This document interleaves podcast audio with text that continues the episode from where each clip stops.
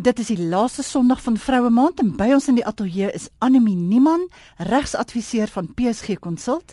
Baie welkom by ons Anemie. Middag Helen en middag aan die luisteraars. Nou ja, Anemie was natuurlik 'n paar weke gelede by ons waar sy ook gepraat het oor vroue en finansies en vandag het sy weer vir ons goeie raad. Sy gaan met ons 10 stappe bespreek wat jy as vrou moet doen voor jy trou en ook die stappe wat jy moet oorweeg of eintlik moet regtig doen voordat jy kinders kry. Anemie ongetroudes word gereeld gewaarsku dat trou nie perde koop is nie en dat besluite rakende dit nie ligtelik opgeneem moet word nie. As 'n mens nou kyk hoe dikwels geldelike probleme aangedui word as 'n rede vir die verbrokkeling van 'n huwelik, is dit eintlik verbasend hoe min paartjies ooit die finansiële impak van hulle voorgenome huwelik bespreek. Dis reg Helen, die fokus is so deesdae op die troue en so min op die huwelik. So daar is definitief 'n paar finansiële aspekte waaraan aan aandag gegee moet word. Die eerste een byvoorbeeld is om te besluit oor 'n geskikte huweliksgoederebedeling. Daar is 3 huweliksgoederebedelings wat in Suid-Afrika van toepassing is en elkeen het sy eie voor- en nadele. Die ding is dat sodra jy 'n huweliksgoederebedeling gekies het, kan dit slegs gewysig word deur 'n aansoek te bring aan die Hooggeregshof.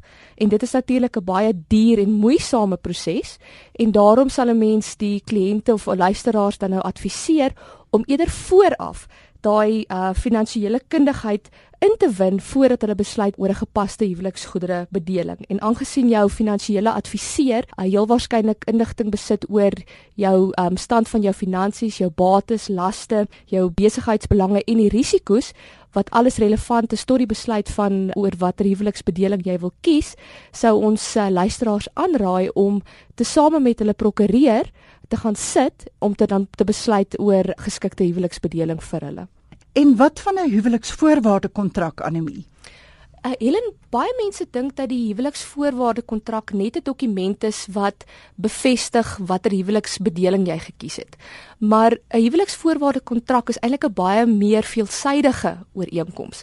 Jy kan byvoorbeeld gaan en in 'n huweliksvoorwaarde kontrak feitelik enige bepalinge insluit solank as wat dit wettig en geldig is. Uh jy kan byvoorbeeld gaan sê dat met die geboorte van ons eerste kind sal 'n ring aan my vrou gegee word of teen ons 10de huweliksherdenking sal die gades aan mekaar sekere geskenke toeken. Dit kan gebruik word vir baie doeleindes. Wat mense ook nie weet nie is dat 'n huweliksvoorwaarde kontrak ook gebruik kan word in boedelbeplanning.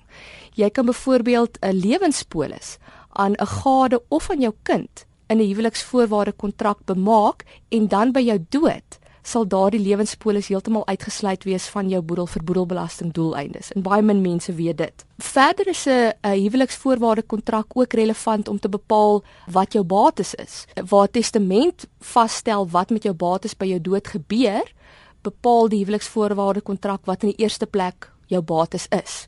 En dit is ook nie net by egskeiding nie. Ek het altyd wanneer ek vir uh, kliënte huweliksvoorwaarde kontrakte opgestel het, vir hulle gesê onthou hierdie ooreenkoms uh, is relevant by die beëindiging van jou huwelik. Dan het hulle oë altyd gereg asof weet ons gaan nie skei nie, maar is nie net egskeiding wat 'n huwelik weet tot 'n einde bring nie, dit is ook dood. So mense moet ook in gedagte hou dat jou HVK ook relevant is by jou dood. En dit is waarom dit dan nou belangrik is dat jy ook die bates wat jy wil insluit in jou huweliksbedeling of wat jy wil uitsluit, dat jy daai bates behoorlik identifiseer in jou huweliksvoorwaarde kontrak. Die ander baie belangrike ding wat mense moet onthou is jy moet 'n geldelike huweliksvoorwaarde kontrak sluit voordat jy trou. Ek het ook al gevalle gehad waar ons die bruidegom letterlik 'n uur voor sy troue met sy pak en sy das gekry het om die ooreenkoms te kom teken. Um, dit kan altyd na die troue geregistreer word, maar die kontrak moet gesluit word voor die troue. Andersins is jy outomaties binne gemeenskap van goed getroud. Daai kontrak moet dan uitgevoer word in die teenwoordigheid van 'n notaris.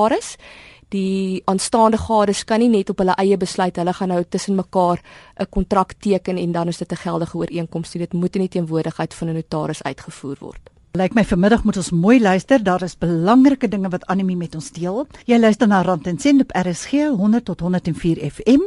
Jou program waar ons meer leer oor persoonlike finansies. En ons praat met Anemie Niman van PSG Consult oor vroue en hulle geldsaake en dan meer spesifiek oor 10 stappe wat jy kan doen voor jy trou en 10 stappe voordat jy besluit om kinders te kry. Ek is Helen Ukerman. Anemie, wat van 'n vrou wat wil trou en haar kredietstatus? Hoe belangrik is dit? Elen, dit is baie belangrik as jou aanstaande 'n uh, ongerehabiliteerde insolvent is, dan sal jy weet dat jy nie binne gemeenskap van goedere kan trou nie. So dit is belangrik dat mense vooraf 'n idee kry van wat daai kredietstatus is, nie net omdat dit belangrik is by die kies van 'n gepaste huweliksgoedere bedeling nie, maar ook as hulle byvoorbeeld wil gesamentlik aansoek doen vir 'n huislening. Dan is dit goed om vooraf te weet gaan jy kan kwalifiseer vir 'n lening ja of nee. En luisteraars kan uh, gratis 'n verslag kry oor hulle kredietstatus en dit kan verkry word van www.mytransunion.co.za. Anemie voordat 'n mens getroud is, het jy sekere begunstigdes vir polisse of so aan. Nou as 'n mens trou, moet jy dit verander. Helen verkieslik. Ek vat uh jong mense wat nie getroud is nie. Hulle nomineer gewoonlik hulle ouers as die begunstigde op hulle polisse of baie keer selfs familielede, broers en susters. Die versekeraar is dan gebonde aan daai nominasie.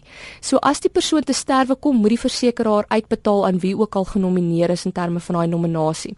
So as jy dan trou en jy wil jou man nomineer as die begunstigde, dan moet jy daai nominasie verander, want as jy dan te sterwe kom sonder dat jy dit verander het, gaan die versekeraar nog steeds die voordeel uitbetaal aan wie ook al op die nominasievorm aangedui is. So dit is baie belangrik sodra jy trou of selfs voor die troue kan jy gaan en dan jou jou gade nomineer as die begunstigde op jou polis.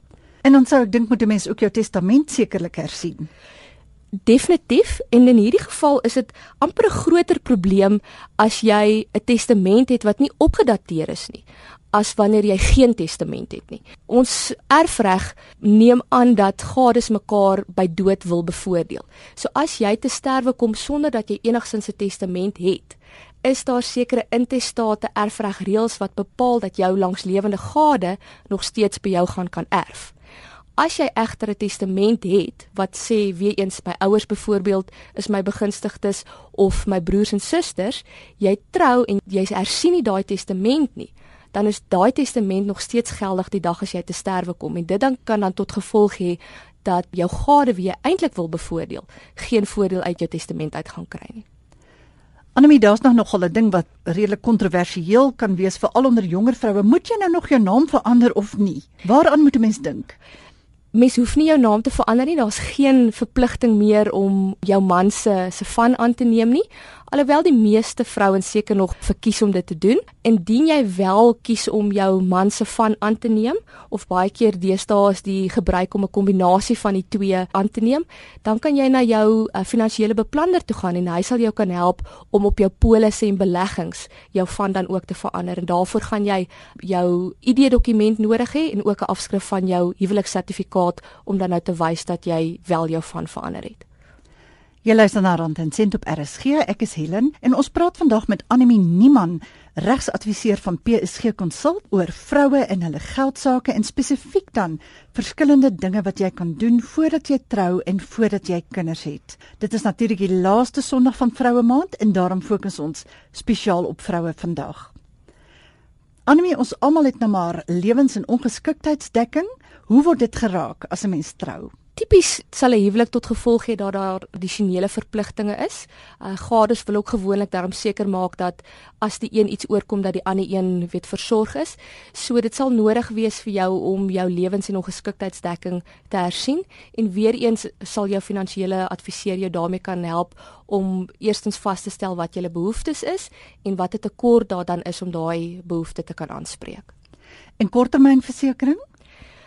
Dit is 'n baie belangrike ding Helen want dit is baie goedkoper vir die twee gades om hulle bates onder een korttermynpolis te verseker.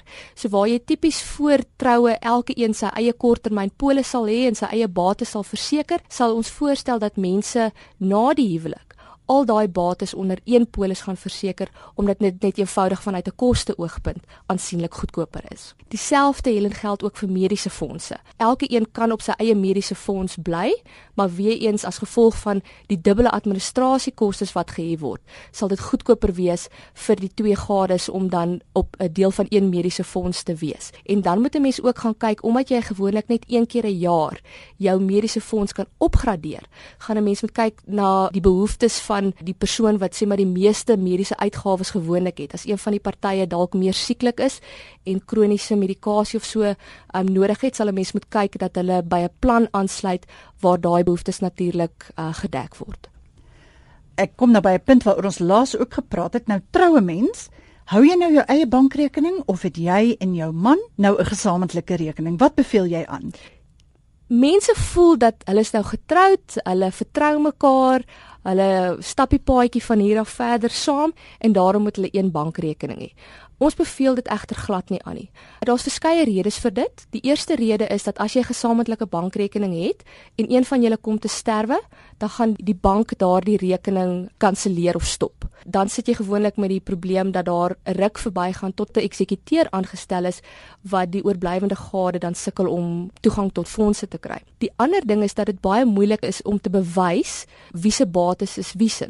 So as jy 'n bankrekening het en jy koop 'n televisie daarmee, dan kan jy teruggaan en gaan wys jy het 'n televisie daarmee gekoop. As jy 'n gesamentlike bankrekening het, is dit bietjie moeiliker om te bewys wie se bates is wie se en dit kan veral dan relevant wees as daar skuldeisers is wat beslag wil lê op op een van die gades se bates.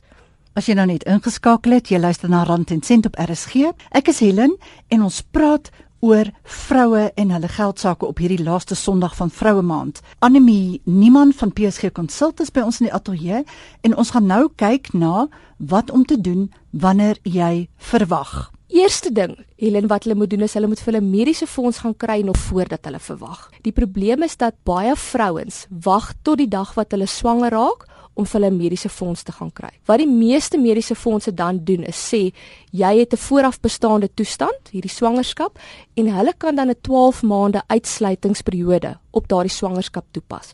Wat beteken hulle gaan vir jou geen dekking gee wat betref die swangerskap vir 'n periode van 12 maande nie. So selfs as jy nog net dink daaraan om swanger te raak, gaan kry solank vir jou 'n mediese fonds al is dit net 'n hospitaalplan weet daar is meer omvattende planne wat pediaterbesoeke, selfs die kind se inentings en so aandek. So daar is meer omvattende planne, maar 'n hospitaalplan sal al voldoende wees. Verwagtende ouers raak seker soms so vasgevang in besprekings oor babas en bottels en geboorteplanne dat hulle skoon vergeet om die belangrike onderwerp van babas en begrotings om daarna om te sien. Wat sê jy Anemie? Dis reg Helen en as 'n mens vat dat dit deesdae 'n kind wat om ongeveer nou gebore word, dit 3.5 miljoen rand gaan kos vir middelklas na hoër inkomste ouers om daardie kind deur skool te kry, deur universiteit van kos en klere te voorsien, dan raak begrotingsvaardighede nou nogals redelik belangrik. En dit is al wat ons probeer doen is om vir mense te sê, hierdie is hoe jy kan begroot vir wanneer klein ding op pad is. Een van die volgende goed wat baie belangrik is is vir vrouens om vas te gaan stel watter kraamvoordele hulle werkgewer vir hulle gaan bied terwyl hulle op kraamverlof is. Daar is geen regsplig op 'n werkgewer om vir 'n vrou tydens haar kraamverlof enigsins 'n gedeelte van haar salaris te voorsien nie. So dit is baie belangrik dat jy weet, gaan jy 'n gedeelte van jou salaris kry of nie en of jy die nodige kontant het om jou te dra tydens daai tydperk wat jy op kraamverlof is. As jy sien dat jy dit nie gaan kan bybring om vir 4 maande byvoorbeeld op kraamverlof te gaan nie, dan is daar altyd die opsies om vroeër terug te keer werk toe. Dit is Rand en Sent met Helen op RSG en ons praat met Anemie Niemand van PSG Consult oor vroue en hulle geldsaake. Ons is nou by waarvoor jy moet voorsiening maak as jy wil kinders kry. Anemie, wat van werkloosheidsversekering? Want jy gaan mos nou 'n rukkie afvat as jy nou 'n baba moet kry. Korrek, Helen nie almal kwalifiseer vir werkloosheidsversekering nie. So dit is belangrik om uit te vind by die departement arbeid of jy wel vir dit kwalifiseer. Gewoonlik word jou ons verwys na werkloosheidsversekering sommer as UIF. Gewoonlik word dit op 'n glyskaal bereken as 'n persentasie van jou salaris. So hoe hoër jou salaris is, hoe kleiner is die persentasie waarvoor jy ongelukkig kwalifiseer. En dan is daai salaris ook onderworpe aan 'n maksimum wat deesdae om en by R14000 is. En dan as jy op daai skaal val, kry jy omtrent 'n derde van R14000. Vir iemand wat meer as R14000 'n maand verdien, gaan hulle nog steeds net 'n derde van omtrent R14000 kan kry. So vir al mense wat in hoër inkomste groepe val, 30 40000 rand 'n maand, gaan jy sien dat dit 'n enorme val in hulle inkomste is tydens kraamverlof, want hulle gaan nog steeds nie vir 'n derde van hulle salaris kwalifiseer nie, maar vir 'n maksimum van 'n derde van R14000 werkloosheidsversekering. As jy nou sien die tyd kom nader en jy moet nou geboorte gee, dan moet jy sekerlik jou mediese fonds laat weet. Dit is reg Helen en mens moet verkieslik so gou as moontlik doen veral omdat baie van die mediese fondse um sekere swangerskapprogramme het wat hulle bied. So die oomblik as jy jou fonds laat weet dat jy swanger is, dan kwalifiseer jy gewoonlik vir daardie programme en dan ook om te verseker dat jou mediese fonds reg is om vir jou en jou babatjie 'n dekking te voorsien sou daar byvoorbeeld vroeë komplikasies wees. Die ander ding wat jy ook moet onthou Helen is dat die babatjie na geboorte so gou as moontlik as uh, afhanklik op jou mediese fonds geplaas moet word. Alhoewel die mediese fonds vir die bevalling betaal, gaan die mediese fonds nie daarna outomaties gaan en jou babatjie as afhanklik op jou mediese plan voeg nie. Dit is jou verantwoordelikheid. En hoe maak jy seker dat al jou kostes van die bevalling gedek is? Helen, dit is 'n ongelukkige probleem wat gereeld opduik veral na die bevalling wanneer die ouers die mediese rekeninge kry. So ons stel vir kliënte voor dat hulle voor die tyd moet gaan vasstel watter kostes word gedek deur die mediese fonds en watter nie. 'n Ander belangrike aspek is om by jou ginekoloog, pediater ensovoorts uit te vind watter persentasie van mediese tariewe vra hulle.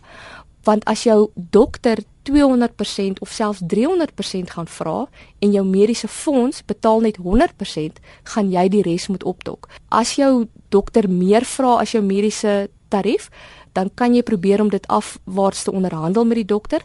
Alternatiefelik kan jy vir jou 'n dokter kry wat hou by die mediese tariewe wat deur jou mediese fonds betaal word.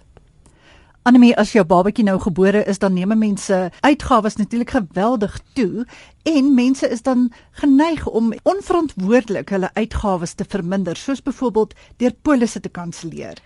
Dis korrek Helen en veral as jy om met jou inkomste tydens die tydperk wat jy ook op kraamverlof is aansienlik val en dan om met jou uitgawes natuurlik meer raak. Wat ons vir mense probeer sê is moenie gaan en polisse net eenvoudig kanselleer nie. Daar word gewoonlik boetes gehef as daai polisse net gekanselleer word en die meeste versekerings maak voorsiening daarvoor dat jy tydens kraamverlof 'n premie vakansie kan kry of 'n bydrae vakansie waar tydens jy nie jou bydraes hoef te maak nie. So in plaas daarvan om net eenvoudig daai beleggings of polisse te kanselleer, probeer eers uitvind by jou versekeraar of hulle nie voorsiening sal maak vir daardie bydrae vakansie tydens kraamverlof nie. Net soos wanneer 'n mens trou, moet jy as jy 'n babatjie kry, 'n nuwe byvoeging tot jou gesin, sekerlik kyk na jou lewens- en ongeskiktheidsdekking en jou testament die dag as ek iets oorkom wil ek seker wees dat daar na my kinders gekyk word. En uh dit moet mense natuurlik ook 'n gedagte hou. Wie eens jou lewensdekking en jou ongeskiktheidsdekking gaan heel waarskynlik aangepas moet word. Dan moet mense ook onthou dat as hulle enige erflating aan minderjarige kinders nalat moet hulle verkieslike testamentêre trust skep vir daardie minderjarige kinders. As daar nie so trust is nie en 'n kind word bevoordeel dan gaan daai voordeel vir daai minderjarige kind in die voogdyfonds inbetaal word wat nie ideaal is nie so gaan waar daar 'n minderjarige kind is skep die testamentêre trust. Ander baie belangrike aspek Helen wat mense nooit aan dink nie en ek dink dit is 'n bietjie 'n sensitiewe saak wat hulle nie wil aanraak nie is gaan in jou testament en nomineer 'n voog vir jou minderjarige kinders sodat daar nie na die tyd in tragiese gevalle waar ma en pa gelyktydig te sterwe kom en die kindertjies nagelaat word laat daar nie by familielede onduidelikheid is oor wie moet nou na die kinders omsien nie. Nomineer daai voog en maak ook seker by daai voog voor die tyd dat hy of sy gemaklik is met die aanspreeklikheid om na daai kinders om te sien. Dat dit ook nou nie vir hulle as 'n absolute skok kom dat hulle weet nou ewe skielik verantwoordelikheid het van minderjarige kinders nie. Dit hang ook baie saam met ons laaste punt, naamlik om te spaar vir jou kind se studies, want of dit nou jy is of die voog wat dit moet betaal, dit is daarom 'n stewige bedragie wat mens moet bymekaar maak vir 'n kind wat sê maar nou 1 jaar oud is. Helen om die waarheid te sê, navorsing het getoon dat 'n kind wat ongeveer nou gebore word, oor 18 jaar wanneer hy sy eerste jaar in universiteit gaan hê, gaan daai eerste jaar van studies amper 300 000 rand kos.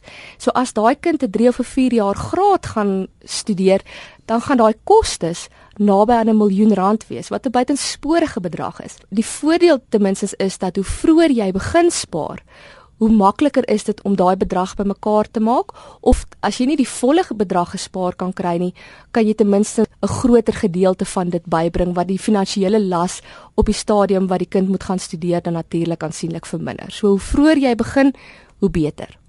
Dit was dan Annelie Niemann van PSG Consult wat vir ons vertel het van die belangrike stappe wat 'n mens moet oorweeg as jy trou of as jy besluit om kinders te kry. Baie dankie Anemie, was lekker om weer met jou te gesels. Selfde Helen en middag aan die luisteraars. Soos gewoonlik gou die volgende, jy kan my volg op Twitter by @HelenUckerman of op Facebook by Rand en Sent Helen Uckerman en hierdie program kan jy in MP3 formaat aflaai van RSG se webwerf rsg.co.za. 'n Lekker Sondag dan vir almal. Dit is Helen Uckerman wat groet. Ons maak weer so volgende week.